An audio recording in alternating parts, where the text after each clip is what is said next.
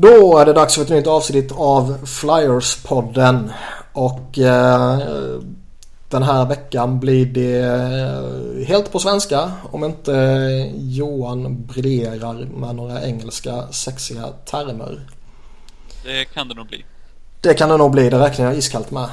Eh, vi börjar givetvis med eh, dagens, veckans största och det är att Nolan Patrick har bytt tröjnummer. Det var väl aldrig någon fundering på den. Det var mer att han skulle ta en plats. Vilket ju alla trodde ändå. Jaha, här tänkte jag hypa upp det och så bara förstörde du allting.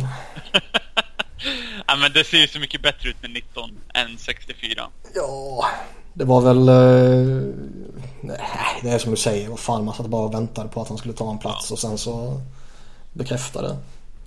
Jag sitter ju, jag är lite såhär nummernörd. Nu sitter man och väntar på Hägg och typ Taylor Lear och grejer. Så att de ska, om de ska byta nummer eller om de ska ta samma som de hade innan. Mm. Inte för att det spelar någon roll egentligen, men ja. Sån är jag. Alltså de två är ju spelare jag skiter fullkomligt i vad de har fått Egentligen liksom. ja. Men de här eh, stora spelarna vill man ju ändå ska ha någon form av sexigt nummer. Ja men nu, Nolan Patrick har ju alltid haft 19. Ja. Så det, hade han valt något annat då hade man tänkt, jaha. Okej, okay, ja det är bara avboka tröjan. Byta nummer. typ, typ. Uh, nej men skämt åsido, den, den stora grejen är ju i alla fall om vi tänker uh, på vad som man kanske inte riktigt såg ske, eller se ske heter det. Det är ju att Matt Reed sattes upp på waivers. Uh, idag måndag här och det är väl förmodligen vad man kan gissa kopplat till att Shane Gustafsberg drog på sig en skada i den sista träningsmatchen här då mot, uh, mot Islanders. Och man behöver helt enkelt lite flexibilitet för att ja, beroende på vad som händer med Ghost. Ja, vi satt typ lite innan och pratade om att vi antagligen hade skickat ner Lehtere Mm. Jag tror ju fortfarande att Reed kan bidra med någonting i något lag. Om, eh, om det är något lag som vill ha en botten 6-spelare och ha lite cap-utrymme. Men jag tror inte att han blir, eller att han blir claimad. Det skulle förvåna mig. Alltså det känns väl mer sannolikt i så fall att han går igenom waivers och sen blir det en trade efteråt där man uh, Flyers tar tillbaka ett kontrakt i så fall eller man kanske behåller ja. lite lön eller något sånt där. Jag tycker väl att han, lite som du säger där, han är tillräckligt bra för att göra någonting i NHL fortfarande. Nu, är väl han en, ett offer av uh, ja, att man ska få ihop ett pussel liksom. Ja, det blir ju lite krångel där med Ghost. Mm. Det verkar ju inte vara tillräckligt länge så att han kan sätta sig upp på injury reserve. Nej. Vilket är bra, men ja, det är ju jättepositivt. Det är ju lite, lite ställer... kaos med capen. Ja, ställer till lite. Man måste åka till, eh, till västkusten med åtta backar till exempel. Och det i sig, vi återkommer väl till det alldeles strax, men i sig är ju det bara positivt såklart. Men mm. ja, Matreed såg jag. jag. Jag hade faktiskt aldrig känslan av att han skulle vara den som fick flytta på sig. Nej, han har ju haft en tendens nu, även fast när han har tappat i produktion, att han har ju alltid varit bra på försäsongen och i början av säsongen. Mm. Jag tror det är två år i rad nu så har han gjort fem mål på fem matcher eller något sånt där för att börja. Eh, men i år, han har varit rätt, rätt så dålig nu. Sen ska man ju säga att bara för att han sätts på waivers nu så betyder ju inte det per automatik att han skickas ner omgående. Nej. Så är det. Men, äh, som sagt han hade, ja vi pratade lite innan och funderade lite på han eller Jari Lehtara och grejer. Då känns det väl som att Matt Reed kan förmodligen bidra med någonting. Eh, lite PK-spel och sånt här som Lehtara kanske inte kan. För han har ju fan inte sett bra ut i preseason alltså. Han hade ett bra byte när han gjorde mål. ja. eh, å andra sidan så kanske det är lite eh, politik involverat där också med att Lehtara sitter på ett tvåårskontrakt. Matt Reed är ju penning UFA då och kanske behöver eh, ja, dumpa ner han i AHL, låta han köra där sen försvinner han till sommaren medan Lehtara kanske eh, Ja, det blir väl en annan grej om han ska ha kvar ytterligare ett år också. Ska man hålla han eh, glad och tillfredsställd och sådär så kan det ju kanske bli ett problem. Ja, det är ju inte en bra början om man tradar åt sin spelare. Visst, nu var ju Lehtere bara en de var tvungna att ta för att Braden Chen skulle kunna få plats i St. Louis cap. Men det är liksom ändå en lirare som har spelat relativt mycket med Tarasenko.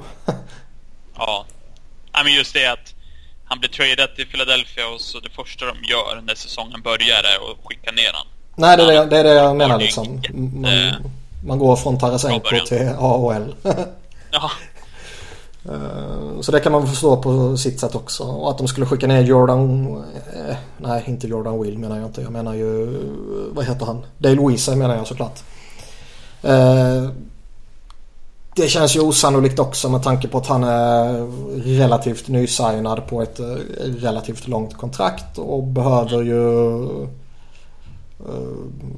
ja, studsa tillbaka lite. Ja, verkligen. Det får vi hoppas att han gör. Eh, men vill jag så kanske att vi hoppar direkt in i, i mål. Mm. Och eh, Brian Elliott och Mikael Neuwirth är det ju som eh, utgör Flyers målvaktspar den här säsongen. Och eh, är vi trygga med det så här efter preseason? Uh, jag hade sagt ja, men sen så var inte Elliot bra alls nu sista mot Islanders han släppte väl in tre puckar som borde ha tagit på väldigt kort tid. Mm. I andra perioden. Första, andra? Ja, jag minns inte, men ja. Eh,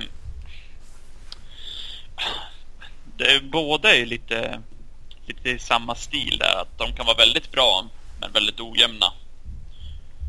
Kanske. Jag vet inte. Det, det känns som hela säsongen som vanligt beror på hur bra de här är. Är det Michael Neuvert från förra året, då kommer de inte gå till slutspel. Och är det Brian Elliott från första delen i Calgary så kommer de inte heller gå till slutspel.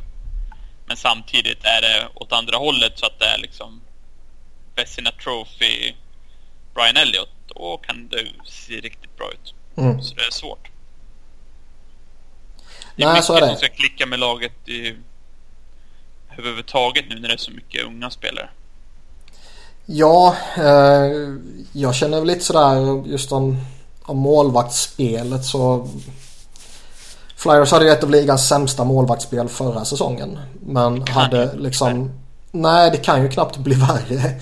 Och du vet, ytterligare en säsong tillbaka så hade man ett av ligans bästa målvaktsspel. Ja. Uh,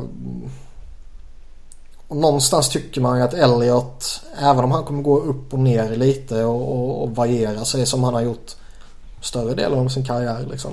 Mm.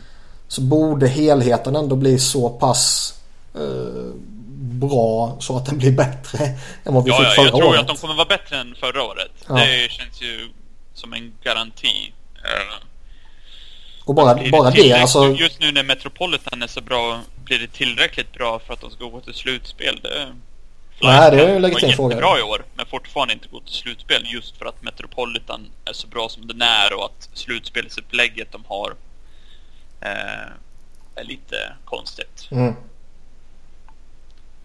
Vem tror du... Jag hade hellre haft 1 till 8 i Eastern går. Jo, det håller jag med om. Ja. Vem, vem tror du börjar som första målvakt? Det är svårt med Hackstall. ja! Men nu, har, nu Michael Neuvert var ju sjuk i den matchen. Han skulle börja den som Lion började mot Boston va? Så nu var det ju ett tag sedan han stod. Och då mm. känner man att ja, men då kanske det blir Elliot som står. Och sen nu var Elliot jättedålig i sista matchen. Så jag vet inte faktiskt. Jag hade börjat med Elliot. Men eh, Hackstall och Hextall gillar ju Neuvert som fan. Så det hade inte förvånat mig om han börjar. Nej, för, för min del så är det ingen tvekan om att det är Elliot som ska få förtroendet. Jag tycker det men... Jag, jag ser det som en sån självklarhet. Enkelt förklarat för att han har en sån högsta nivå som jag tycker att Neuwerf inte har liksom. Nej. Och prickar man rätt med Elliot som, som du var inne på så... Ja. Så det spelar ingen jätteroll. Står du inte Nej, men det blir ju ändå lite symboliskt vem man börjar med. Det var ju som förra säsongen när, när Neuwerf uh, får börja uh, första matchen då liksom. Det blir ju väldigt symbolvärde i det. Mm. Uh, kom från lite uh, lite kaos med Steve Masons avslutande slutspelsmatcher. Ja.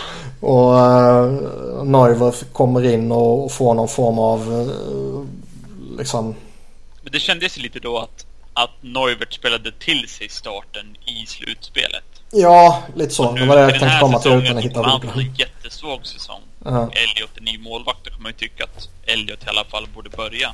Men mm. Vi snackar om Dave Hackstall nu. Så det... Ingenting är logiskt. Nej. Eh, vi såg också Anthony Stålars få en, eh, en ny knäskada här, eller en ny knäoperation och grejer. Och kommer ju vara borta i princip hela säsongen. Ja. Eh, jag har för mig, vi, visst nämnde vi det lite sådär i förbifarten förra avsnittet när Charlie var med? Mm, oj, det kommer jag inte ihåg. Det kanske jag, vi jag minns faktiskt inte. Men, men uh, det känns ju som att det kan ju mycket väl ha varit dödsstöten för Anthony tror det. Flyers karriär. Nästa år ska Carter Hart in och antagligen Sandström. Mm. Plus att de har Lion. Ja, och plus att både Elliot och Neuwirth signade kommande säsong också. Ja. Och det, det kändes som att man fick en väldigt tydlig bild av vad organisationen tyckte om Stålarts när man typ gjorde det väldigt klart att han är inte aktuell som en av två målvakter. Så länge vi... Ja, så länge man inte hade en eh, vad han sa, en ren nummer ett. Ja, men så länge man inte har en Henke Lundqvist i kassan som ja. man vet kommer spela 65 matcher under hans bästa år där liksom. Mm. Uh, och där fick man väl en rätt tydlig bild av att nej, vi litar inte riktigt på honom. Uh, vi kanske ska vänta in de andra istället. Ja. Hur lång tid innan Carter Hart är redo? Eller Sandström, det vet man inte. Två månader. Ja. eh, nej men det, det, känns ju som att han hade skada förra säsongen och ingen jättesäsong och sen långtidsskada nu. Nej, och det är för många unga som kommer upp också. Jag tror ju att Stolars, så länge att inte den här skadan har förstört hans karriär så det kändes ju som att han skulle kunna vara en, en om man skulle vara en starter så liksom en medel eller low-end etta. Mm. I alla fall. Men ja. Är det tråkigt? Det hade ju varit kul att sett eh, Lehigh Valley med Stolers och Lion. Eh, just ja, verkligen. bra lag. Lion känns väl dock eh, ja, hyggligt intressant ändå liksom. Han, han, är ju klart efter Hart och, och Sandström såklart. Men eh, alltså den, när den oundvikliga skadan på Mikael Neuwirth kommer så är man väl inte superrädd för att kalla upp Alex Lyon direkt. Nej, han, han sett bra ut. Mm.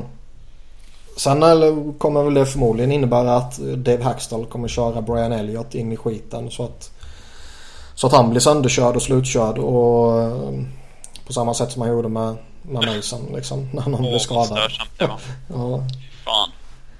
Men den dagen den Stollers ändå hade spelat bra. När han väl fått stå. Mm. Ja. konstigt Jag fattar ja. inte. Så kan det bli när man har en galen coach. Ja. Han verkar ju inte lära sig heller. Nej, det är det som är mest frustrerande. Uh, ska vi kanske hoppa in i uh, backbesättningen istället? kan vi göra. Det... Uh, ja, man avslutade ju preseason här mot Islanders.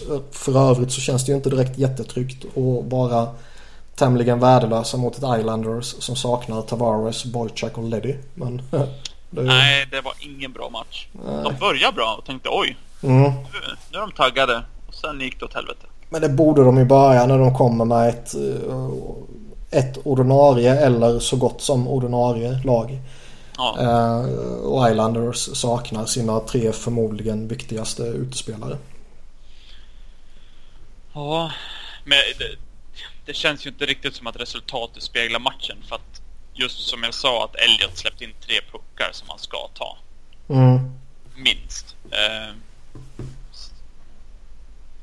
så då sprang det iväg lite. Mm. Det är ju sånt som händer. Tyvärr. När vi kollar på försvaret då så har vi ju uh, Gustus Bear, Radko Gudas, uh, Robert Hägg tog en plats. Andrew McDonald är givetvis kvar. Brandon Manning är uh, såklart där. Ivan Provorov likaså. Sen har vi Sam Moran och Travis Sunheim. Där det väl då förmodligen är någon av de två sistnämnda som ligger eh, illa till. Man har ju då åtta backar kvar med tanke på eh, skadan på Ghost och osäkerheten kring hans eh, kommande dagar känns det väl då förmodligen bara. Ja, skulle jag på gissa så skulle jag nog säga att Ghost missar första två. Men spelar på i helgen Anaheim. Mm. Det känns realistiskt eftersom man inte är tillräckligt skadad för injury reserve. Men eh, förhoppningsvis så spelar han på en gång. Så länge han är hel. Så mm. de inte skyndar tillbaka honom och så blir det värre. Och så är det en till säsong när han kommer tillbaka från skada och kanske inte kommer in i det. Annat sätt är det riktigt bra ut mm. på försäsongen. Kan jag säga det att mot Islanders här så lirar de med Provorov, McDonald. Eh, de har varit så långt borta från varandra hela jävla preseason och äntligen ja. bara känner man ett hopp att Ivan Provorov äntligen slipper undan från det där jävla ankaret liksom. Han har också varit jättebra på försäsongen. Ja. Nu var han i och för sig bra här mot Islanders också. Ja. Men det underlättar ju såklart att spela med bra spelare än att spela med usla spelare. Eh, sen hade de Gustis Bear med Hägg och Brandon Manning lirade med Gudash i ett par som känns eh, jävligt bortslösat. Ja, och inte för att Nej, jag har något emot Boras, han är duktig. Eh, de började ju med kedjorna. Då hade de Lindblom i första kedjan. De hade, det Hägg med Provorov, de hade Ghost med Moran, va? Ja, jag tror det. Och då tänkte man, oj! Han har varit inne på Flyers Twitter och kollat ja. uh, Han har lärt sig, det här kan bli riktigt roligt. Och så börjar det närma sig. och så bara, nej. Skit i allt. Lindblom, du ska bort. Eh, Manning ska in direkt. Provorov Amac. Ja. Fast det börjar tuggas lite. Ron Hextall har ju hela tiden sagt att vi kommer inte ha en spelare i NHL om han inte är ordinarie. Mm. Eh, en, ung, en ung spelare då givetvis. um, så nu har du ju Dave Isaac eh, som är en av få vettiga beatwriters. Uh, verkar ju vara tämligen övertygad om att ja, Moran eller Sunheim spelar istället för Manning. Om man då förutsätter om att... skadad så kommer den andra ta hans plats. Ja, exakt. Men om man förutsätter att Ghost spelar så, så kommer ändå Manning vara, vara petad liksom. Ja. Då har jag faktiskt inget problem med försvaret. Visst, Andrew McDonald vill ju ingen ska spela. Men det kommer han att göra så det är inte ens värt att lägga ner tid på. Nej, det är ju bara att acceptera att verkligheten ja. ser ut som den gör. Kollar man de andra fem då, då som kommer att spela eh, så har jag inget problem alls. Då ska det bli kul att kolla på dem. Och sen, vi pratade lite innan just om att Manning är en perfekt sjua. Som du kan slänga in bara tionde match eller någonting. Mm. Och du vet vad du får. Eh, så det, så länge inte Manning och Andrew McDonald spelar samtidigt som ordinarie så... Framförallt inte i samma par. Nej. Då kan, I och för sig det kan vara väldigt komiskt. Jo. Kul. Jag vill inte ha den sortens komedi. Man ser att Provorov hoppar av isen och så kommer Andrew McDonald in med, med Manning. Då vet man att oj oj oj. Ja. Nu blir det spela egen zon i två minuter. ja, herregud. Men om vi kollar på, på Hägg och Moran och Sunheim. De här tre backarna som... Uh, ja, på förhand var det väl de som uh, liksom låg närmast till att kunna utmana om de här platserna som, som var öppna då liksom. Och med viss eh, med visst hopp på Philip Myers också. Ja. Eh, Myers skickade ner och det känns väl ändå det beslutet kan man ju inte ifrågasätta. Sen kom Nej, det lite han, han tidigare ju... än vad jag hade väntat mig kanske. Men, ja, han hade ju ingen jättebra camp. Nej. Uh, han, eller väldigt ojämnt camp. Han var jättebra ibland och gjorde jättestora misstag ibland. Så det är ett år, om man säger, om nu Sanheim tar en plats, så lite samma väg som Sanheim tog och spela ett år i första paret mm. i Lehigh Valley. Så ja, varför inte? No, det kändes väl ändå, ändå rätt eh, långsökt att han skulle gå från juniorligan in i NHL. Liksom. Även om han har haft en fantastisk utveckling sen eh, man signade upp honom och känns genuint jättespännande. Så mm. ja, en säsong i AHL kändes alltid tämligen väntat. Ja. Eh, men är det, ja, om vi förutsätter att det blir Travis Sunheim som skickas ner, vilket de flesta verkar vara eh, typ helt överens om att det kommer bli. Är det rätt spelare av de här tre som får flytta på sig då? Ja, det är lite svårt det där. För eh, om man, jag vill ju, jag är inget jättestort fan av Moran. Eh, jag, jag, jag, tycker att han kan fylla en roll, speciellt i penalty killing. Mm. Det är ju mm. där han behövs. Och det är där man ser att han verkligen bidrar. Oh ja. Och då har jag ju hellre honom uppe om det betyder att Andrew McDonald spelar mindre mm. i PK. För han är så dålig egentligen i allt annat också. Uh, men just det här med att rensa framför kassen är han så dålig på och det blir så mycket mål emot. Mm. På samma sätt varje år. När Andrew McDonald står vid ena stolpen. Ja, han har inte koll på vad sin motståndare är och sen så ja. hamnar pucken precis där och så står uh, Amac liksom en och en halv meter fel eller någonting. Ja, det var ju, jag vet inte om du såg matchen mot Islanders ja. Ja, då gjorde Andrew Lee mål och han är där och slår in pucken och Andrew McDonald har inte ens uppfattat att pucken är bredvid honom. Nej, men, men Andrew Lee som står med ryggen emot, han hinner vända sig om och uppfatta att pucken är där. Ja. Jättekonstigt. Men just det här med, som Moran, hade, han kommer få spela PK om han spelar. Travis Sanheim kommer inte få spela PP just för att de har Ghost i första och Provorov i andra mm. uppställningen. Och det såg man även på försäsongen att Sanheim fick aldrig spela PP i princip. Mm. Och då kan jag tycka att det är okej okay med att Moran spelar. Och att Sanheim skickas ner och får spela som en nummer etta i AHL.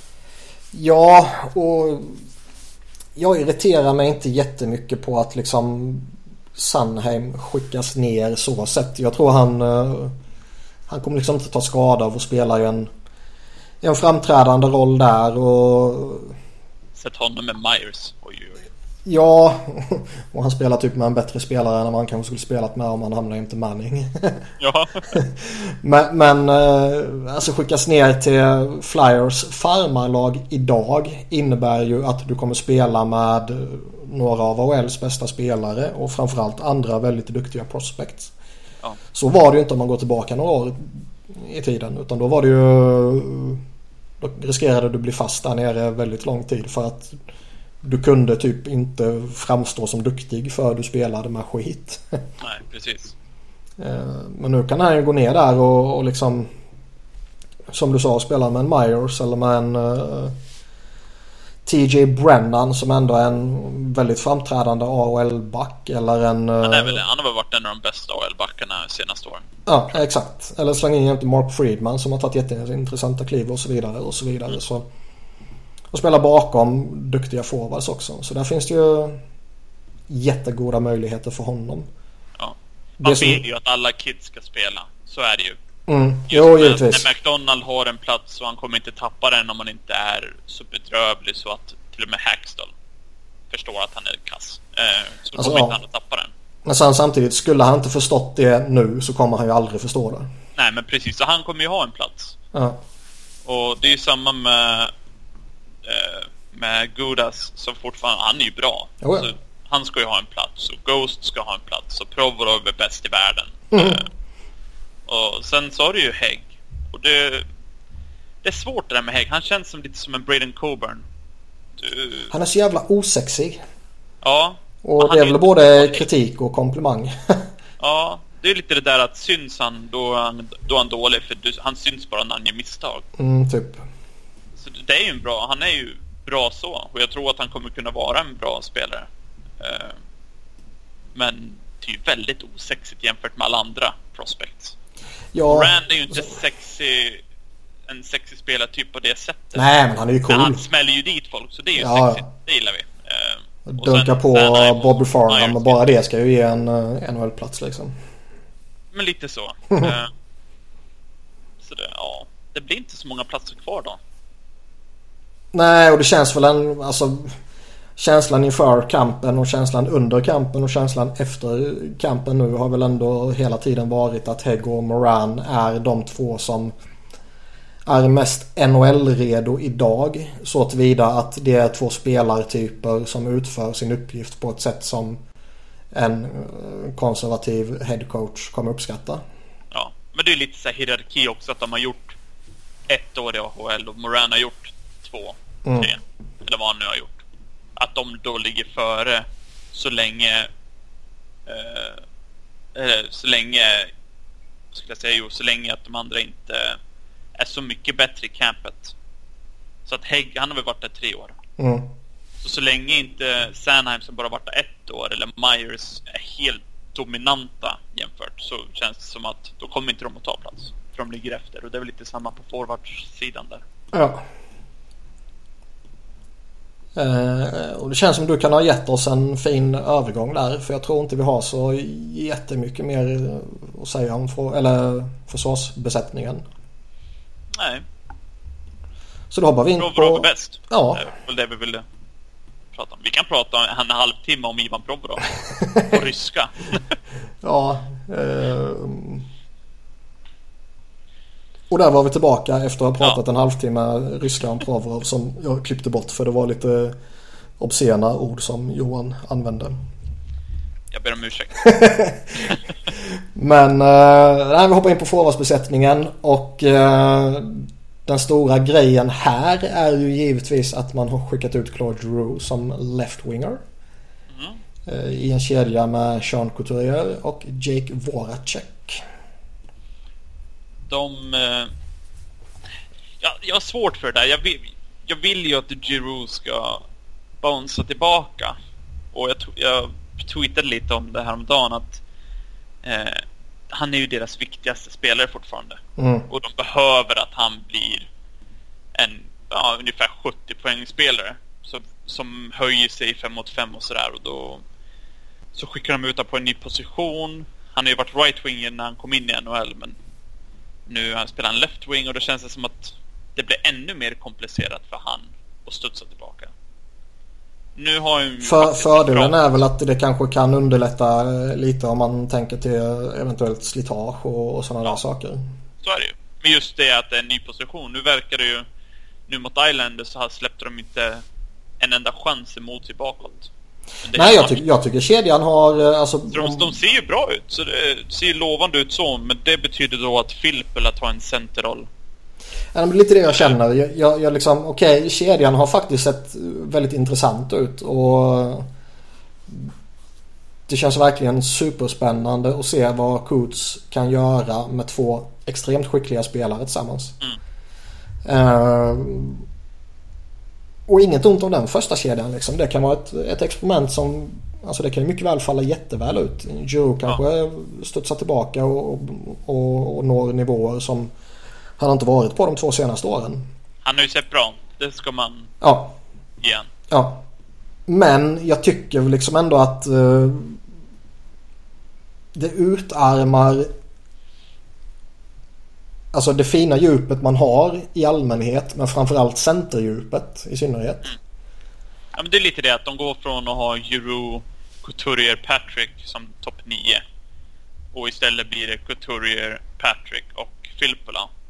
Jättekul att då Patrick blir ju en andra center på en gång. Mm. Eh, så det är ju skitkul men det känns lite sämre just då när alltså, Filppula blir tredje. Det jag oroar mig för är ju att Och eh, det ska jag bara säga, jag tycker inte Filppula är dålig. Eh, jag tycker att han, han fyller en roll. Men just nu när de har Couturier, Hiro och Patrick som är en tilltänkt topp 9 eller första, andra, tredje center så mm. blir det ju lite sämre när Filppula blir tredje. Ja, det är en klar försämring. Ja. Uh, Men ja, det är svårt det. Men liksom det som oroar mig lite är att när, när, när, man väl har fått vad som förmodligen är det bästa djupet vi har haft sen ja, åren där runt omkring när vi gick till final senast. För då hade man ju ett, ett, jätte, ja, ett jättebra djup. Eh, och då, då kändes det på förhand som att okej, okay, hur de än gör så kan de liksom inte slösa bort det här utan vi kommer ha minst tre väldigt spännande kedjor som alla förmodligen eh, kommer kunna göra stor nytta.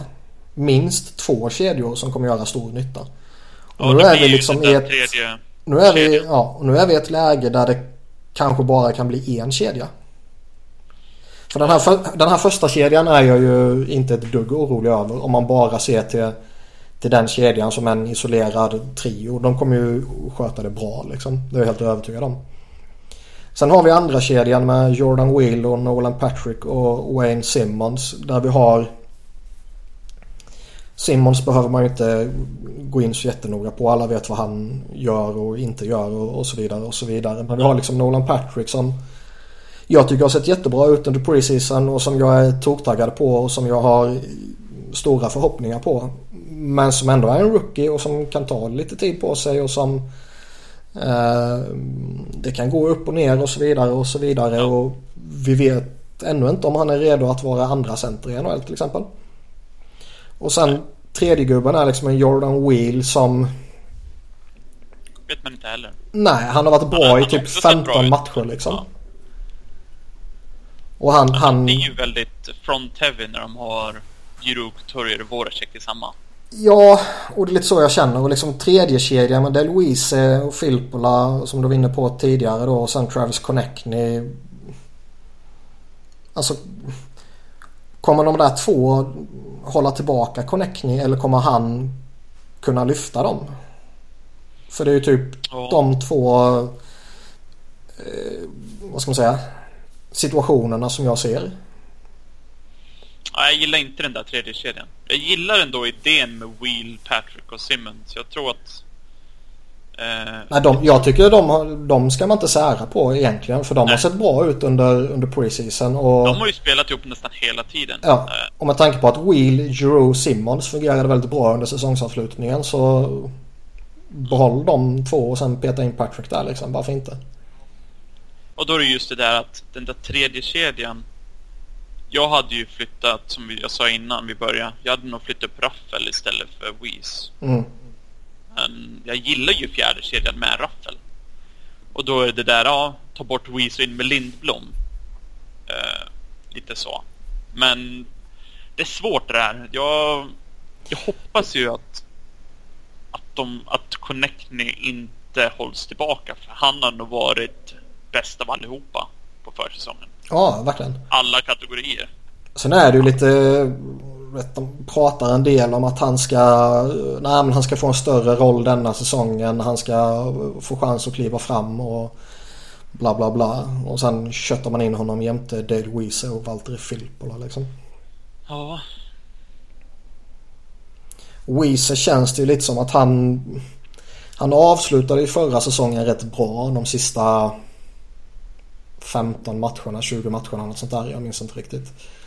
Och det känns som att han fortfarande lever lite på det. Att de typ förväntar sig att okej, okay, nu har han kommit tillbaka.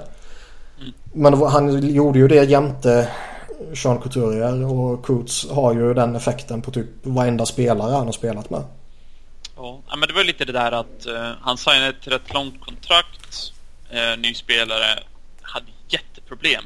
Och sen så kom han igång i slutet med Couturier. Och så nu när han kom in i campet så var han ja, garanterad en topp 9-roll direkt. Mm. Medan en spelare som eh, Mikael Raffel fick slåss om en fjärdeplats eller om han ens skulle vara med i laget. Mm. Och det är jättekonstigt för jag tror nog du håller med att Raffel är ju bättre än vad Weeze Jo, ja. Uh, ja. ja. Jättekonstigt det där.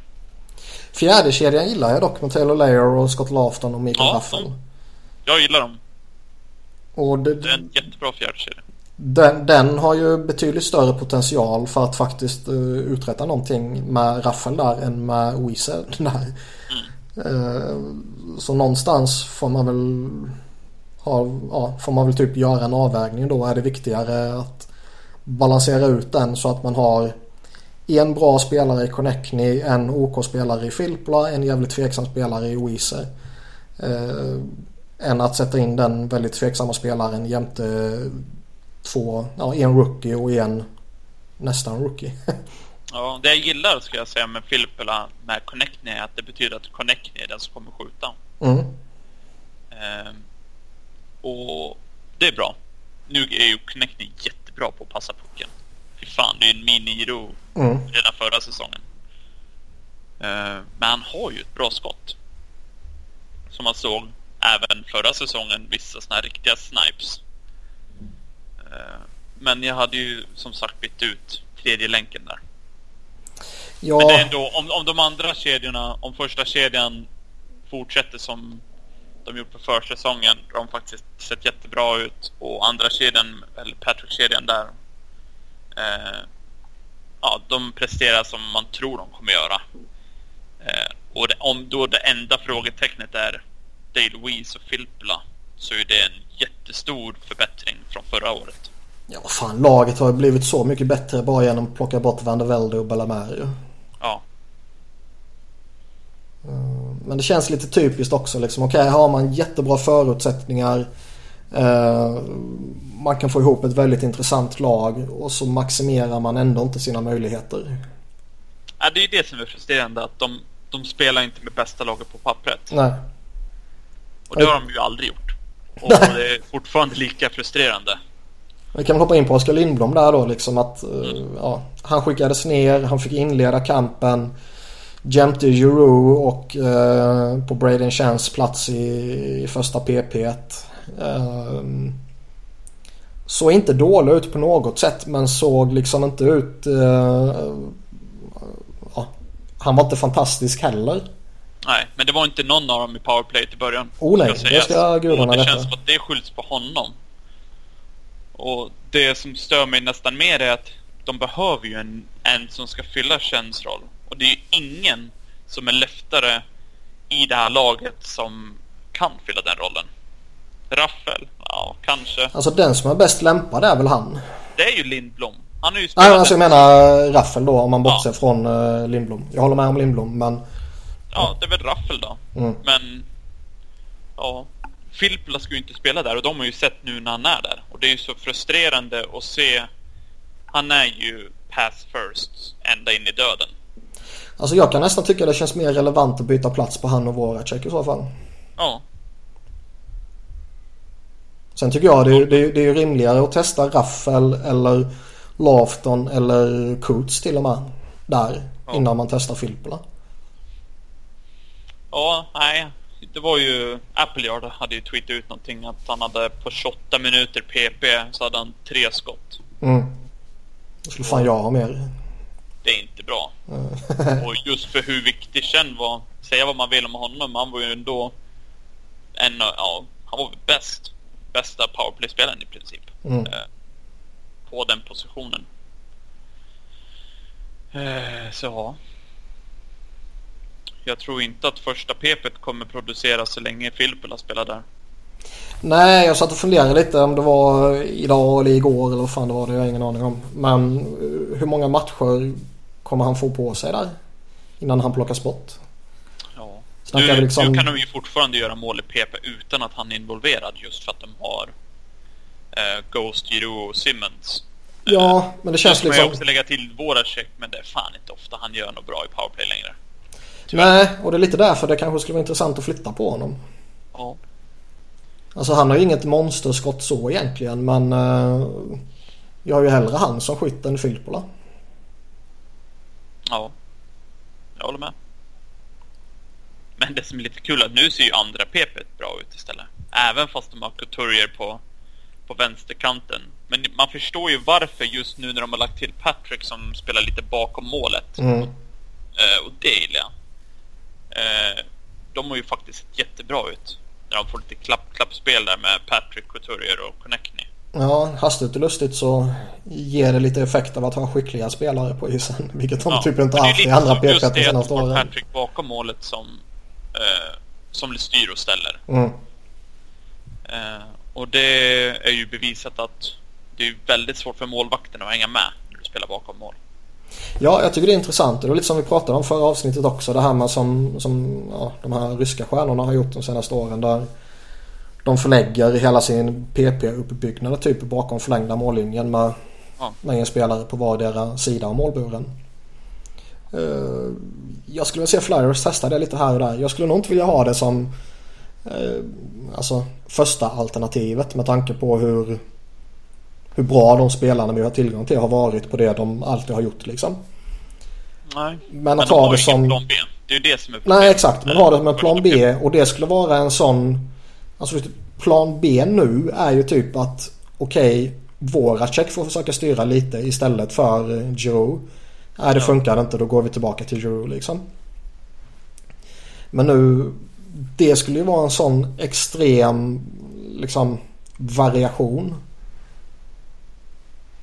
Så det, nej det skulle kunna vara intressant faktiskt. Ja. Men om vi går tillbaka till Lindblom, liksom det här att han skickas ner. Det ska väl, de har ju lullat till det lite om att han producerade inte så värst mycket och det gjorde han ju inte. Det är ju fakta liksom. Men det konstiga är att de scratchar honom typ fyra matcher. Eller tre av fyra Ja, Istället kän- för att ge honom chansen. Du vet vad du får av Dale Weiss, du vet vad du får av Matt Reed, du vet vad du får av alla de här veteranerna. Mm. Varför inte ge en spelare som med största sannolikhet kommer vara bättre än alla dem eh, i resterande matcher? Nej, det var jättekonstigt. Det var precis som han hade bestämt sig för att eh, nej, han ska inte vara med. Nu kör vi med de andra. Mm. Men det var typ fortfarande viktigt att han eh, är med kampen ut och får lära sig typ. Ja. Och så kan det vara. Men eh, liksom fan varför inte låta han spela lite i alla fall. Ja, alltså även om de har bestämt sig i princip att skicka ner han, låt han försöka visa vad han går för i de här tre matcherna till. Istället Ja. för att han sitter uppe i pressboxen. Sen är det väl lite så, lite som jag sa kring Sandheim där också. Jag hetsar inte upp mig så värst mycket över att Lindblom skickas ner. Det, det gör ingen skada och han spelar i en bra omgivning och, och samma argument som det var för Sandheim där. Och det kanske till och med är liksom bästa scenariot för dem långsiktigt.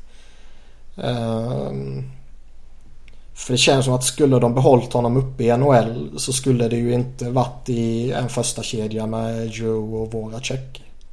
Speciellt inte nu när Giroud är ute på kanten. Nej, Jag exakt. tror det förstört lite hans chanser också. Absolut, det tror jag.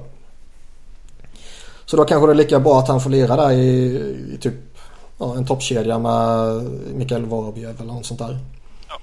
Eh, Och få en riktig center och playmaker jämte sig. Och nu tycker jag väl att förmodligen skulle det väl ha varit bättre för Lindbloms utveckling att eh, köra en hel säsong i Brynäs med OS-spel och allt vad det innebär. Även om OS ja, är en varit jävligt kul att se. jävla skitturnering. Då hade jag året. kollat på OS. Men det kommer jag typ. inte göra nu. Nej. Men, men å andra sidan så jag har någon sån där känsla bara att han kommer inte vara i AHL hela säsongen. Nej, jag hoppas ju verkligen att han får en bra start. Han var ju i AHL eh, för förra året Mm. och hade sju poäng på åtta matcher eller något sånt där. Och sen vet vi alla vad han hade för säsong i Brynäs förra året. Mm. Jag hoppas han får en bra början. Så att om det blir någon skada så kommer han att komma upp och förhoppningsvis komma upp med massa förtroende. Och så, ja, kanske Ja, exakt. Ja, exakt. Men det känns som att han, gör en månad eller två eller tre där nere. Sen kommer han upp. Antingen för att han har varit så bra så att han måste plockas upp så att säga. Eller för att eh, någon går sönder eller blir avstängd eller whatever. Och Ja. så tycker man det är mer relevant att Alltså rör det sig om en match man behöver en ersättare då kan du slänga in Jore Lehtar eller Matt Reed eller någon som man redan har uppe i truppen då liksom. Mm. Men rör det sig om en 10 matchers period då känns det som att då borde ju Lindblom vara det bästa alternativet. Ja, jag håller med. Uh, och jag, ja, jag känner mig så, bara så övertygad att han kommer komma upp under säsongen. Och, uh, Men nu är det ju lite utgående kontrakt med Filppula och, jo. och Reed och sådär. Så det, det kommer ju öppnas upp möjligheter. Sen är det väl då återigen det som vi sa från början där att eh, ja, man ställer inte upp med bästa möjliga lag. Nej. Och det man så sedermera då ställer upp med ger man inte bästa möjliga förutsättningar. Uh, ja, med lite backpar och kedjekombinationer och extrem framtung forwardsbesättning och så vidare och så vidare. Mm. Uh, och, och, det är, lite frustrerande. uh, för jag tror verkligen, alltså det, det, det, ligger väl lite i supporterskapets natur att vara lite ja, att hajpa sitt eget lag mer än vad man kanske egentligen borde och ha lite stora förhoppningar och sådär. Men om allting verkligen funkar för Flyers så ser jag ju verkligen att ja, de kan inte utmana om kuppen, det är inte det jag menar. Men de kan absolut ta sig till slutspel och de kan mycket väl bli en obehaglig överraskning mot något av de här favorittippade lagen. Liksom. Ja. De har ju ett bra lag. Ja. Sen är det ju lite små problem i laget. Men att just nu när de får in Nolan Patrick, helt sjukt egentligen, och sådär. Och alla de här unga spelarna. Plus att man fortfarande har kvar kåren som är bra. Så länge Giro och Voracek studsar tillbaka. Mm. Vilket det ser ut som att de kommer göra. Eh, speciellt Giro har ju sett mycket snabbare och eh, mindre hämmad av sin höft. Jag sa ju det i eh, förra veckans NHL-podd som jag också kör. Att uh, vi pratar lite om de här nya reglerna och så här. Och gillar man det och gillar man inte det och så där. Och jag hoppas verkligen att de håller uppe det här med att de, de tar krafttag mot slashings. För det upplever jag ju som ett, som ett genuint problem i ligan. Det här att de ska tramsa sig med tekningarnas integritet. Bla bla bla. Eh, det är bara en jävla skitgrej. Det känns som att okej okay, vi måste göra någonting. Ja men det där låter fint, då gör vi det. Men slashings tycker jag, det är jätteofta man tittar på matcher och så ser man en spelare få en solklar slashing och så blir det inte ens utvisning. Ja, uh, nej. Han kommer ju få mycket PP-tid. Så han kommer få mycket PP-tid och får han det med tanke på hur bra han är och med tanke på att Filppula inte suger fullkomligt eller att någon annan kommer in dit så småningom. Så kommer han ju förmodligen få en hel del poäng. Och uh, håller han sig frisk och fräsch i övrigt så... Som är... Nej, det är inte det som har varit problemet. Det är ju 5 mot 5. Nej. Men säg att han lyfter sig lite i 5 mot 5 och han lyfter sig lite i uh, eh, PP så kan han upp och sniffa där strax under point per game eller kanske till och med vara point per game-spelare. Absolut. Uh, så det tilltalar mig av lite rent uh, sådär själviska anledningar om man pratar regelförändringar. Ja, men det med teckningarna är ju, det är ju idiotiskt, rent ut sagt. Ja, men det känns bara... Ja. Uh, han var in på lite andra prospects då som uh, ja, inte fick chansen uppe i NHL. Man kan ju tillägga det att Flyers börjar säsongen med fyra eller fem rookies i, i laget och man är irriterad uh, ändå. Ja. Men det är liksom och då räknar lite... man inte Latan och jag tror inte Leary är egentligen ingen rookie. Det är jättekonstig situation med honom. ja. Jo, jag vet. Men, men liksom ändå lyckas de irritera supporterbasen ja. liksom. Och det är ju the flyer away. Nej, man får ändå ge det lite till Hexel att det är ju ändå många rookies. Mm. Eh, Ja, men vi kollar på vissa andra prospects som inte tog chansen då. Philip Myers var vi inne och, och tuggade lite om för, i början där. Mark Friedman eh, skickades ner relativt tidigt ändå. Mike Vecchioni eh, skickades ner också. Känns som en rätt stor kandidat för att kunna komma upp relativt omgående om det blir några skador och sådär. Ja. Mikael Vorobjev skickades ner också. Eh, är det någon annan som du känner är värd att lyfta och tugga lite om? Nej men just det stora utropstecknet, utropstecknet i campen var ju egentligen hur bra Vorobjev var på en mm. Mm. Uh, och verkligen slogs om en plats även fast det inte fanns en plats åt honom. Han såg ju Ja, Hex, Hextall snackade ju till och med om att det var nog det tuffaste beslutet. Ja. Så det är ju jätteimponerande med tanke på att han har haft problem att ta en ordinarie plats i KHL. Eh, mer på grund av hur deras hur de gör med unga spelare i KHL än att han inte var tillräckligt bra. Men eh, det var ju lite förvånande. Vi alla visste ju alla som följer Flyers visste väl om att han var duktig. Alla som följer JVM. Ja, speciellt efter det. Mm. Uh, så han var ju, det var ju väldigt roligt att se. Uh, mer Friedman är en lite sån här under radar just för att de har så många andra. Det känns som att jag, jag har svårt att se han göra karriär i Flyers liksom. Nej, jag vet inte hur han ska ta en plats. Det är väl det som talar för sådana fall är väl att han är right hand. Mm. Eh, så. Men fan. Det är ändå rätt många. Alltså McDonald kommer ju vara här de kommande åren. Ghost ja, och... Jag vet inte hur de ska göra. Grudas och Provorov är ju liksom givna där också. Och sen känns det ju som att han står ju en bra bit bakom Hägg och Moran och eh, Sunheim och Myers och mm ja, det känns bara som att han har lite för mycket framför sig. Jo, men han har ju sett bra ut. Absolut, absolut. Det kan man inte ta ifrån honom. Sen vet jag inte det. Myers behöver lite mer tid. Jag tror ju stenhårt på Myers. Uh. Oh ja. Han kommer bli en väldigt effektiv back. Han är väl en sån komplett spelartyp man kan vara typ. Man var ju lite uh, just nu när de tradade Chen och de valde att inte ta tolvanen som har börjat jättebra. Ja, för fan vad frustrerande. Fan, ja. Uh, så blir man ju lite deprimerad. Ja, men fan, tog Morgan Frost. Men han, man ser ju varför de tog han. Ja, jag läser hype om honom varje dag. Jag ville ju att, ja, jag ville att de skulle ta tolvan när mm. de tradade. Det var ju liksom direkt uh, all caps på Twitter bara tolvanen! Och så blev det inte det.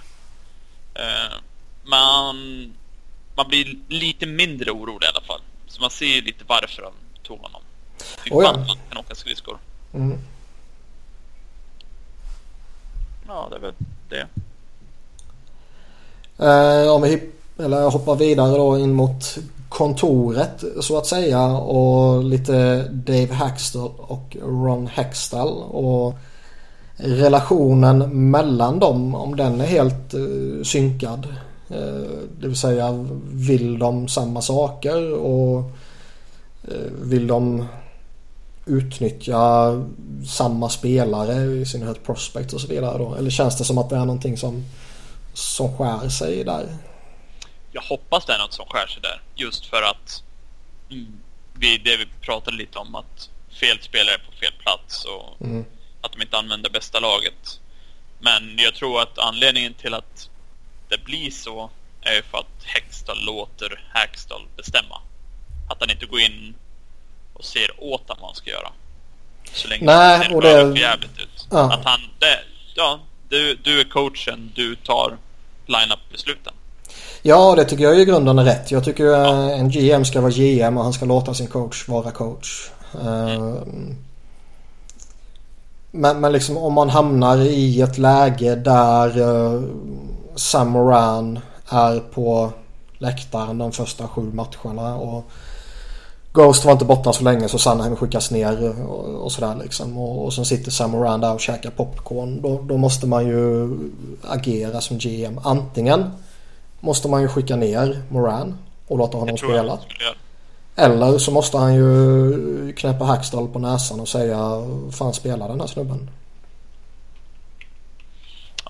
han har ju sagt hela tiden att han inte kommer ha en rookie sitta i pressboxen. Mm. Så att om Axtall skulle välja att inte spela Moran och att han fortfarande är där uppe så känns det som att han skulle skicka ner honom i sådana fall. Mm, det håller jag med om. Um, Sen ligger ju lite liksom i, i de olika rollernas natur att den ena planerar väldigt kortsiktigt och den andra planerar förhoppningsvis väldigt långsiktigt. Där, där coachen måste ju vinna kommande match för att behålla sitt jobb medan GM i den fasen som Flyers är nu i alla fall behöver jobba lite mer långsiktigt. Ja, jag tror ju... Jag hade blivit förvånad om de inte samtalar. Så att om Hextall undrar någonting bara varför spelar du Vandervelde eller 81 matcher i rad?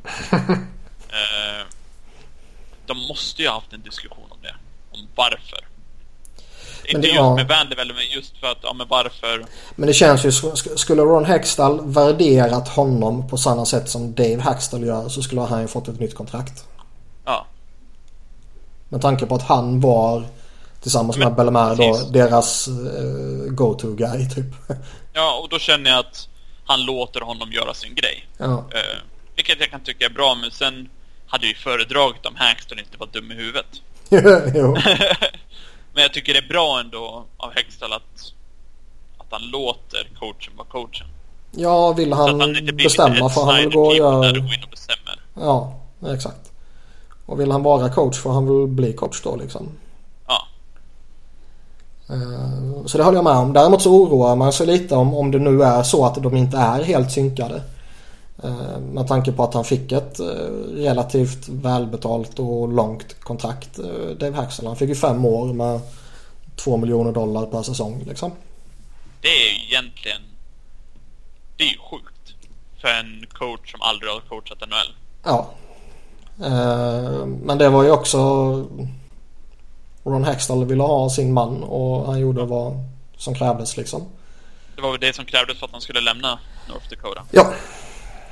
Eh, men ja. Det oroar ju också lite då om, om han har, alltså nu tror inte jag Flyers bryr sig ett skit att han är uppsäkrad i, på relativt hög lön och, och några år sådär om man känner att nej den här idioten måste bort. Tack och hej. Ja. Det, det, tror jag de skiter i trots att Ed Snyder inte sitter och eh, slänger undan pengar längre liksom. Tror du han rycker om eh, de missar slutspel? Jag hoppas verkligen det. Eh, första året var ju lovande med honom. Eh, och liksom då kändes det som att okej, okay, här är det en klar förbättring jämfört med det vi hade tidigare. Eh, som ju inte i och för sig var så jättesvårt att överträffa faktiskt. Nej. Men där såg man ändå, eh, ja men det var lite förbättring. Han liksom, man såg ju faktiskt att de unga spelarna tog ju kliv under honom. Uh, Ghost succé och så vidare liksom. Mm. Men förra året var ju ett rätt stort steg tillbaka tycker jag. Uh, där han spelar fegt. Att han, att han är rädd för att spela alltså spelare som är bra. Ja, men han, vill, han vill inte ha kreativa spelare. Nej. Och, och liksom han, han, han föredrar ju dåliga spelare men där han vet vad han får. De gör inget oförutsett överhuvudtaget. Och han föredrar det framför de kreativa oberäkneliga spelarna. Och det kommer betyda att de inte kommer vinna matcher och det betyder att de inte går till slutspel och det betyder att han kommer tappa sitt jobb. Mm. Eh, helt enkelt. Om ja, jo. Nej, jag håller ju med dig. Men uh, han tänker uh, ju... Så man kan ju tycka att han borde någonstans förstå att ja, det, vi vinner inte matcher med att ha Vandervelde och Belmar spela 15 minuter per match. uh. Och framförallt vara den duon man sätter ut så fort någonting händer. Oavsett om du har gjort mål och du vill bibehålla någon form av momentum. Eller du har släppt in mål och du vill liksom bryta motståndarnas momentum. Så sätter du in de två. Det hade ju varit en sak om, om han hade satt in dem och så ser man att ja, men de här på isen, de gör inget mål framåt. Men de, men de, de spelar 0-0. tid. Ja. I princip. Ja. Men det är ju tvärtom. De gör inget mål framåt och det blir kaos. och bakåtpressade hela tiden. Mm. Uh, och alla liksom underlying stats och sånt där uh, talar för att Belmer var väl sämsta forwarden i hela NHL. Ja. Och grejer. Så jag menar, man kan tycka att de som får, han får betalt så mycket pengar för att vara coach kan man tycka att han borde ha lite bättre koll. Ja, och, och liksom Sen säger jag som jag alltid brukar säga när man då börjar snurra in sig på Dave Hackstall som är liksom i, i det stora sammanhanget vad det verkar som en, en medioker NHL-coach liksom. Och mm. eh, alltså obefintlig NHL-erfarenhet eh, när han kom in och så vidare. Och sen sitter man och, och gnäller över saker som han gör och som man tycker är helt galna och sådär kan det inte få fortsätta liksom. Och sen tittar man på dem som är typ allmänt ansedda som de bästa coacherna i ligan och de gör typ exakt samma saker. Ja. Eh, och då liksom, ja, då är det inte rimligt att förvänta sig att den här snubben som förmodligen sitter och kollar på hur Mike Babcock har jobbat liksom. Att han gör samma sak som Babcock. Ja, nej men det är väl lite det här att alla coacher är dåliga. Ja. På sitt sätt. Eh, men det är ju det är så frustrerande att de är så nära att ha ett, ett komplett lag i princip. Och de har pusselbitarna för att sätta ihop det. Och ändå så kör de med de här nolldimensionella spelarna. Nu är ju tack och lov Vanderbilt och Belmer borta. Det skulle nu dock... ser ju faktiskt alla fyra kedjor om inte bra ut så ser de ju okej okay ut. Säga vad man vill om Filppula och Weiss men vi hade ju tagit dem istället för Vanderbilt och Belmer alla dagar Ja, herrejävlar. Men det, det, skulle vara väldigt intressant att se vad som skulle ha hänt om Colin McDonald och Cole Bourdieu inte skulle blivit skadade. För de känns ju... att de båda blivit skadade samtidigt. ja, verkligen. För de, alltså McDonald när han har kommit upp typ förra säsongen och sådär så har han ändå gått in och han gör ju ett gott jobb liksom. Jag tror han gjorde något mål eller något sånt där också. Och, mm. eh, liksom en respekterad veteran sådär. Men han är ju vad de trodde Vanderbilt var. Ja, typ. Och Cole Boudreau är ju typ en yngre variant av McDonald. Ja. Och man såg ju lite att de verkade ju gilla vad de bidrog med och de har pratat väldigt gott om Boudreau och så här liksom. Eh, så jag var faktiskt skraj vad som kunde ske där. Ja, jag trodde ju, det kändes ju som, så mycket som de pratade om Bardreau så kändes det som att han kommer ta en plats. Ja, men det kändes som att han hade en plats att förlora liksom. Ja. Jag tycker det är så coolt att Lear tog en plats. Det trodde jag inte. Nej, jag det kändes som att han... Jag, jag gillar Taylor Lear jättemycket. Men nu, just nu när de fick in Nolan Patrick, de signade Vecchioni, de liksom Lindblom kom över. De tog in eh, Lehtere, de tog in Filppula. Allt det här under förra säsongen. Mm. Och då tänker man, hur fan ska Lear ta en plats? när... Och så är liksom Scott Lawton, han är i princip garanterad en fjärde plats. Ja, men det kändes lite som att hans sista chansen för Lear var förra sommaren. Ja. Så går han in och är hur bra som helst på försäsongen och tar en plats. Mm. Alltså det är ju fjärde kedjan, men fjärde kedjan ser ju riktigt bra ut. Ja, och det är ingen som kan anklaga honom för att vara där bara för att någon annan har blivit skadad eller sådär. Utan han har ju verkligen förtjänat platsen. Det är riktigt imponerande. Sen eh, skadade det väl inte honom att han har spelat väldigt mycket med Lofton nere i Phantoms förra säsongen. Ja, men och när de, de två gjorde de det väldigt bra tillsammans. Där. Ja. Penalty killing 10. Ja. Så det är nog ingen slump. Men det håller jag med om. Det är förvånande och glädjande att han... Mm. För det är en sån där spelare liksom som man har suttit och, och, bara hoppats på bara för att man vill ha någon ung ny jävel komma in. Ja. Uh, och han har ju varit med förhållandevis länge ändå. Och, och innan liksom Flyers samlade på sig uh, ligans bästa prospectbank. Mm. Så han har ju varit en av få som man har kunnat sitta och hoppas på. Det, det jag gillar med honom är att han är ju... Han är ju väldigt bra defensivt och även duktig offensivt. Men det är lite mer hans... Och det är ju det Hextall alltid... Med alla spelare han draftar så är det det här med karaktären. Mm. Och han är ju väldigt professionell. BSH Radio hade ju en... Eh, de hade en intervju med... Var det Riley Coty? Vem fan var det de hade som de tog in? Jag vet inte om du lyssnade på det? Ja, jag tror Riley Cody var med någonting.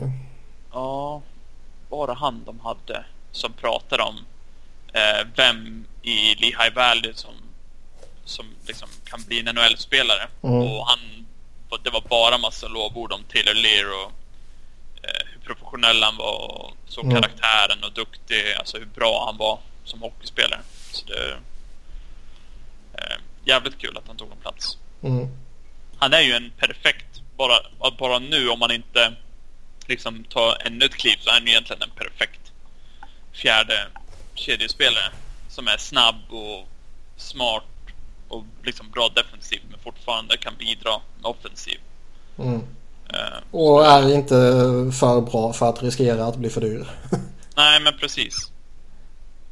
Det är ju det som är lite grejen med de här eh, fjärde kedjespelarna. Att, de får inte uh, vara för bra. Så, nej, men är de bra så det är ju hur bra som helst. Sen blir de för bra då måste du ta in någon ny. Mm. Och då kan du få in dem billigt och så blir de för bra och så måste du ta in en ny. Det är inte, det är inte dem du signar upp på liksom tre, fyra års kontrakt. Äh, Dale Louise. ja, exakt. Uh, om man ser på det så här liksom. De flesta som har lite vett mellan pannbenen har ju Eh, en väldigt eh, kritiskt förhållningssätt mot Dave Hackstall. Mm. Uh, eh, ska Ron Hextall få någon kritik?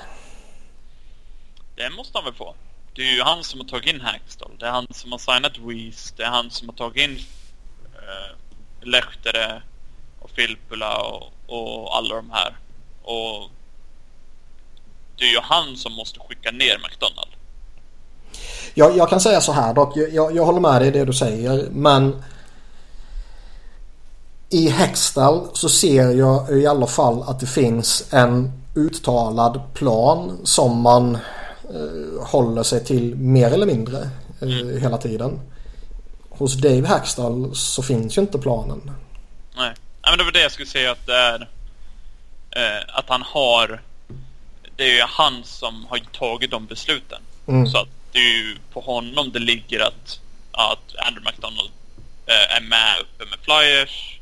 Det ska dock sägas att... Han, gör ju, han gör ju mycket, mycket, mycket bra. Ja, det ska dock sägas och det vet ju att du vet. Men det är ju inte han som har signat McDonald. Nej. Eh, så det kan han man ju inte hänga någon för. Utan, ja. Det var, eh. det var Paul Holmgrens sista fuck you liksom. Innan han blev kickad uppåt. Ja, exakt. Um, sen kan jag väl någonstans... Jag, jag kan, jag, jag, ja. Det är väl ingen som gillar McDonald och, och, och, jag kan liksom se ändå någon form av logik i att man behåller honom uppe. Eh, han är kass men han är ju fortfarande en NHL-back. Mm. Problemet... Tjänar för mycket och borde spela mindre minuter. Ja, det är ju det som är problemet liksom. Nej. Skulle han legat på eh, dryga miljonen och varit i tredje paret så ja, det är ingen som bryr sig liksom. Uh, nu är han ju ett genuint problem men det är inte för att han är inte NHL-duglig utan det är ju pengarna liksom. Mm. Och rollen. Uh, men sen kan jag förstå det ändå att man, man vill liksom inte ha alla de här unga uppe samtidigt. Uh, då vill man ha någon veteran och ja, man har inte tillgång till så många veteraner liksom. Uh, personligen skulle jag ju skickat ner honom till AHL. För jag tycker det finns sex spelare som är bättre än honom. Eh, och jag har hellre Brandon Manning som sjunde back än vad jag har Andrew McDonald. Eh, bara för att om man tänker lite asset management så tror jag att skulle Manning hamna på på waivers så finns det en risk att någon kanske plockar upp honom. Kanske inte just nu i säsongsbörjan där varenda spelare hamnar på waivers och alla försöker bli av med spelare och så vidare. Men om man tänker under säsongen. Jag håller med. Men, men sätter McDonald på waivers så finns det ingen som kommer ta honom liksom. Uh, det finns väl någon form av logik att man har honom uppe. Jag, jag står ju verkligen inte bakom den. Jag tycker verkligen inte om den. Men jag kan väl ändå se att den finns där liksom. Nej, det hade ju... Det känns ju inte som Hextalls grej att bara kasta in alla rookies. Och det märker att han slussar in dem allt som. Ja. Först började det med, med Provorov och Connectney och nu blir det ännu fler. Och innan den här säsongen är slut så istället för att det är fem så kan det bli liksom 7-8 som har debuterat om inte annat. Och jag tror det är fler som börjar säsongen i NHL än vad de faktiskt hade räknat med. Ja, det tror jag med. Så jag Eh, menar, Patrick, alltså ä- ä- även om alla sa så här på förhand under att nej men han har inte någon given plats. Han måste visa det först och så vidare. Så det skulle ju krävt en extremt usel insats av honom för att han inte skulle få en NHL-plats. Men det är ändå, jag är imponerad över hur bra han har varit med tanke på skada och sen komma tillbaka, var fortfarande skadad och spela. Och sen blev han skadad igen med operation Mm. och allting. Och egentligen precis innan campet, då går han på is. För Mm. första gången på, om det var åtta månader eller någonting. Eller något sånt där. Eh, Det är nästan som man kan tro att det är en talangfull spelare helt enkelt. ja, nej men lite så att han fortfarande är så bra. Och det som Och är så jävla fascinerande med honom. från första början i campen. Ja, men det som är så jävla imponerande med honom är ju att han eh, spelade, vad är det han själv har sagt, att 75% eller sånt där. Ja, Eller till och med snäppet under, jag minns inte riktigt. ja det var något. Förra säsongen där.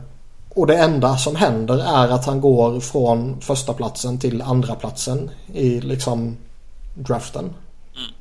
Eh, jämför med typ eh, Liljegren som rasade från vad var det? Andra tredje plats eller någonting ner till där han valdes som Ja, vad var det? 17, 18, 19 och sånt där. eller Vad fan det var. Ja, han var ju rankad nummer ett. Typ tre år innan. Ja. Och sen hade han en problematisk säsong med lite skador och lite sjukdomar och sådär som eh, Hade absolut han kan... varit hel förra året hade han gått detta. Mm, Oberoende på vad Hischer gjorde. Mm. Det är jag hundra på. Mm. Är imponerande ändå att bara falla en plats liksom. Mm. Nej, det ska bli intressant att se honom. Mm, verkligen. Ehm, har vi något mer? Har vi pratat om hur bra Provorov är? Ja, men det klippte vi ju bort ju. Ja, ah, just det. Eh, annars känns det väl som att vi har väl betat av det mesta sådär som har med rostern och göra så här inför premiären som ju ah, det är så jävla värdelöst när man börjar med Jag västkust. precis säga det. Vi måste säga hur kast de har lagt upp det här schemat. Ja, det Det var ju, samma med preseason att de inte hade en match på helgen. Men de hade flera som de hade tryckt ihop mitt i veckan. Fast det där kanske, jag vet inte om det var, ja exakt, men jag vet inte om det kan ha något att göra med liksom de övriga idrotternas spelschema och grejer. För man märkte ju i, igår när de spelade mot Islanders så spelade ju Eagles tror jag det var samtidigt va? Ja, de spelar mot Chargers. Ja. Och då märkte man ju att det var rätt tomt i arenan. Ja. Men det spelar ingen roll när, när säsongen väl har börjat. Men Nej, nej, nej, men, men preseason kan jag förstå. Ja, kanske. Ehm, Men det gjorde ju, alltså jag blev ju bara förbannad för att jag jobbar ju så tidigt så jag har så svårt att stanna uppe eh, på veckodagarna. Mm. Så jag tänkte, oh, nu borde det vara match på helgen. Och så kollade jag så var det liksom, de spelar på tisdag, tisdag, onsdag. Eller om det var måndag. Nej, jag kommer inte ihåg exakt. Och så bara ingenting på helgen. Jaha, det var kul. Ja, nej det är ju värdelöst. Men det här är premiären nu också. Det är så jävla värdelöst att börja på Ja. västkusten. Nej, det är värdelöst. Det är ju inte helt osannolikt att de går 0-4. Nej, nej, verkligen 0-5 inte. egentligen. Alltså framförallt inte, alltså tänk om Ghost kanske är borta i tre fyra matcher här och ja, hela, hela bortaturnén liksom. Ja. Och det är ju bra lag de möter också. Sharks, LA, Anaheim och Nashville. Så är det ju i alla fall två lag som jag ser en hyggligt stor potential som kan vinna hela skiten i, i Nashville och Anaheim. Och LA och Sharks eh, är liksom ändå svårspelade lag. LA är jag lite tveksam till sådär vad, vad fan de kan göra egentligen. Men Sharks kan ju mycket väl gå långt i ett slutspel. Ja. Nej, de har jävla tuff början. Mm. Sen kommer hem och lirar man Hade de mot dubbel mot Nashville? Sa du inte det? Nej. Nej. De har ju, de spelar ju mot Nashville. Är det fjärde matchen? Mm. Och sen möter de sen igen eh, lite senare. Någon match senare igen. Ja exakt. Det är ju tufft. Tredje hemmamatchen sen. Ja. Eh, Och första matchen hemma är mot Caps. Så det är en mm. beställningsseger man tar där direkt. Och sen kommer Florida och den Nej, kanske man kan lyfta undan. är borta då. Men sen kommer liksom Nashville igen och sen kommer Edmonton och sen kommer Anaheim igen. Och sen börjar det lätta av lite med lite Ottawa och lite Toronto, Arizona och Chicago och St. Louis och Colorado och Chicago bara. Nej, jävla tufft bara. Mm. Så ska man hitta någon, eh, någon fördel. Alltså det kände man ju lite även mot Islanders. Eh, okej, okay, det går inte jättebra mot Islanders. Fan, de kanske fattar ändå att ja, men det här är inte bästa möjliga laget. Nej. Vi, vi, kanske, vi kanske ska slänga in någon annan spelare. Lindblom kanske ska spela istället för uh, Weezer till exempel. Och, Men det är det som är så störande istället för Manning. Att det behövs. Han, det han bidrar med ett powerplay är precis det de behöver i första PP. Ja, och det är det som är så roligt också. Eller roligt, tragiskt men intressant. att eh, väldigt ofta hör man liksom att eh, nej, men den här spelaren måste ha en plats i laget för han är så viktig i PK. Mm. Tämligen medioker i övrigt men i PK så är han viktig för oss, där måste han spela. Men det är väldigt sällan du hör det att en spelare liksom, nej men han är superviktig för oss i powerplay, han måste spela. Det är lite småkomiskt det där att eh, ta till exempel Connectny förra året att han inte fick så mycket spelutrymme så att säga för att mm. han inte var bra defensivt. Mm. Men var jättebra offensivt och bidrog mycket. Uh, han fick en mindre roll och fick inte spela övertid och allt möjligt. Men Lindblom som på försäsongen har varit jättebra defensivt inte skapat jättemycket men ändå haft lite lägen och varit bra i anfallszon liksom längs med sargerna och allt sånt där. Han får inte spela för att han inte bidrog, till, eh, till, bidrog inte tillräckligt offensivt. Så det du säger är att uh, Dave Hackstall är en galen idiot? Ja, det är ju skitkonstigt egentligen. Nej, nej men du är inte tillräckligt bra defensivt. Nej men eh, Lindblom, du är inte tillräckligt bra offensivt. Nej, vad fan. Ja. Som Pelle Mårts när han nobbade Hedman till OS och förklarade att han är, han är bra på allting. Därför är han inte bra på någonting. Typ. Lite så. ja. Men han tog ju med Timander för att Timander är ju... Talinder. Ja, Talinder menar jag. Förlåt. Du är förlåten. Ja. Man är ju dalmas så tänker man Timander. ja, exakt. Um... Har vi något mer om rosten? Annars går vi in på en kvick liten lyssnarfråga vi har fått. Nej, jag tror jag har sagt allt. Uh, ja, och vill man skicka in lyssnarfrågor så är det som sagt bara uh, hojta på oss på Twitter eller mejla in till mig. Mm. Eller resa hem till Johan och knacka på. ja, gör det. Jag lovar att jag tar med det. Om det är någon som kommer och knackar på en fråga. Ta med det i podden. Ja. Eh, frågan är ursprungligen riktad till mig men jag gissar att du får prata om den också. Ah, okay, okay. Och jag gissar att du kanske delar den eh, påståendet i frågan här i alla fall som jag gör. Mm. Där eh, frågan helt enkelt är Jag vet hur mycket du gillar 10 och 88 och det är ju John Leclerc och Eric Lindros då såklart. Mm. Men jag får inte kläm på hur du ser på Renberg som spelare, inte som expert. Mm. Var han bara tredje hjulet i Legion of Doom då såklart? Uh, ska jag börja eller ska... Nej, blås du på. Uh, det känns ju som att det borde vara väldigt lätt att kunna spela med Leclerc och Lindros. Men han bidrog tror jag... För mig så blir ju han den perfekta komplementspelaren, eller vad man ska säga, till de två. Mm. Just för att han var... Innan alla skador och sådär så var han ju jävligt snabb. Uh, och det hjälpte ju den kedjan väldigt mycket skulle jag tro. Jag tror inte att han var någon... Vad hade han sin rookie-säsong där? Han har väl rekordet? Har han inte det? Uh, tror jag. Uh, Två poäng jo, det han ha. Sen hade ju, jag kommer ihåg Ghost tog ju hans rekord när han gjorde poäng i alla de här raka matcherna. Men eh, totala antalet poäng kan han ju mycket väl fortfarande ha. Jag har för mig det. Men han, för mig blir han en lite så komplementspelare till de två. Uh, och det är väl inte fy skam det heller.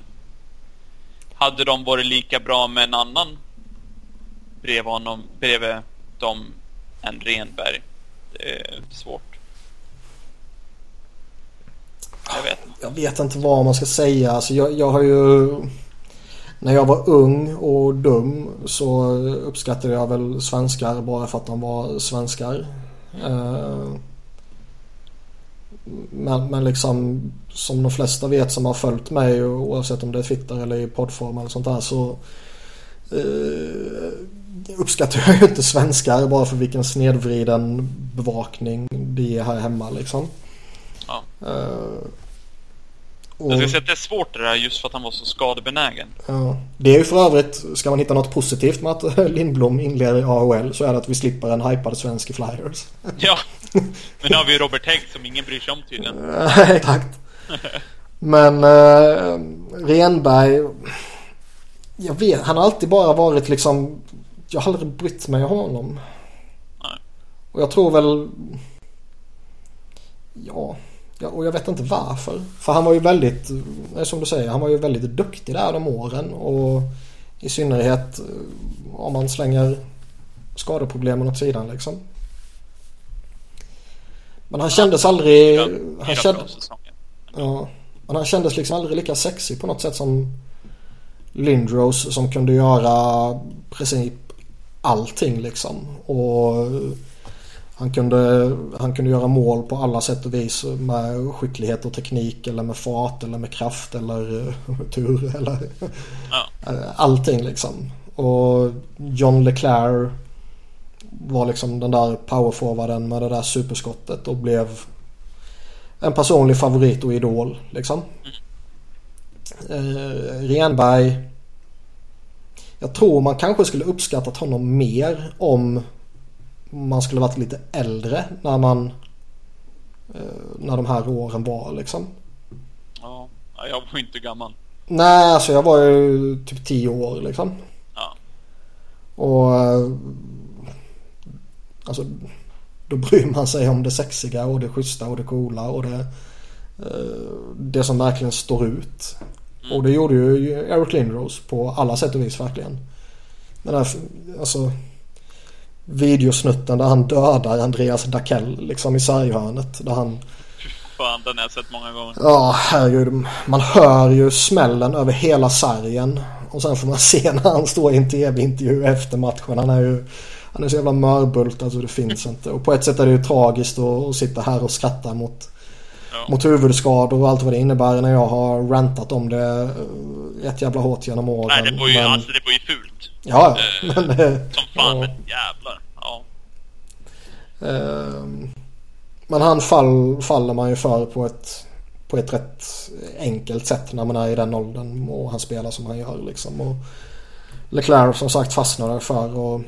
Men jag tror det blir så just för att hur dominanta Lindros och Leclerc var och hur roliga de var att se på och hur, liksom, hur deras stjärnstatus så det blir ju all, aldrig att Renberg riktigt lever upp till den.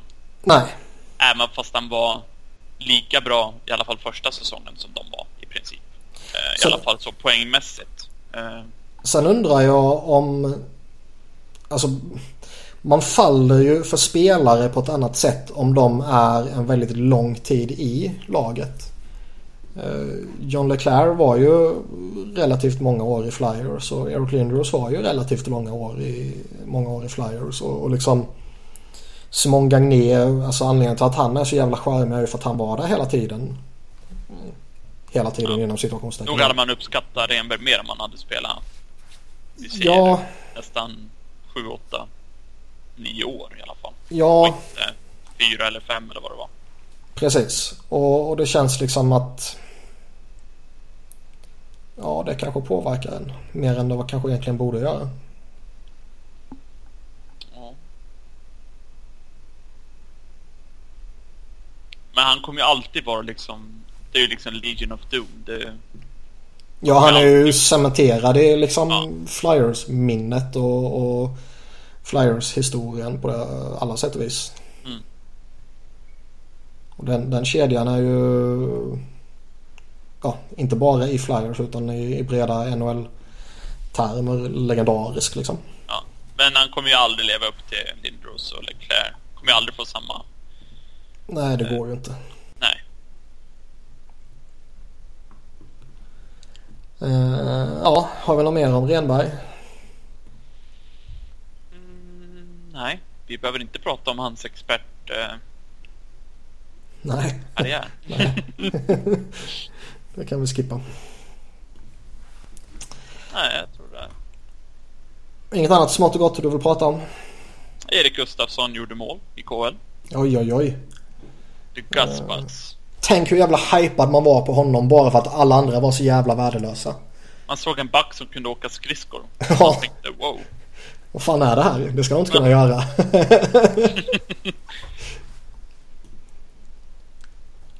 Nej, jag tror, jag tror vi har täckt allt. Ja. Då gör vi väl så att vi rundar av helt enkelt och... Eh... Gärna in lyssnarfrågor som sagt. Ja, Eh, även om jag och Johan är väldigt intelligenta och eh, eh, bra på precis alla sätt och vis så missar vi givetvis intressanta vinklar titt som tätt. Så det är bara att hojta. Frågor och listor. Mm.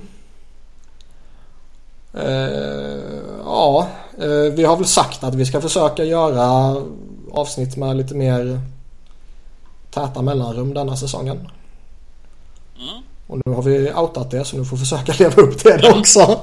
Helvete, det skulle du inte ha sagt. Nej, jag får klippa bort den här skiten.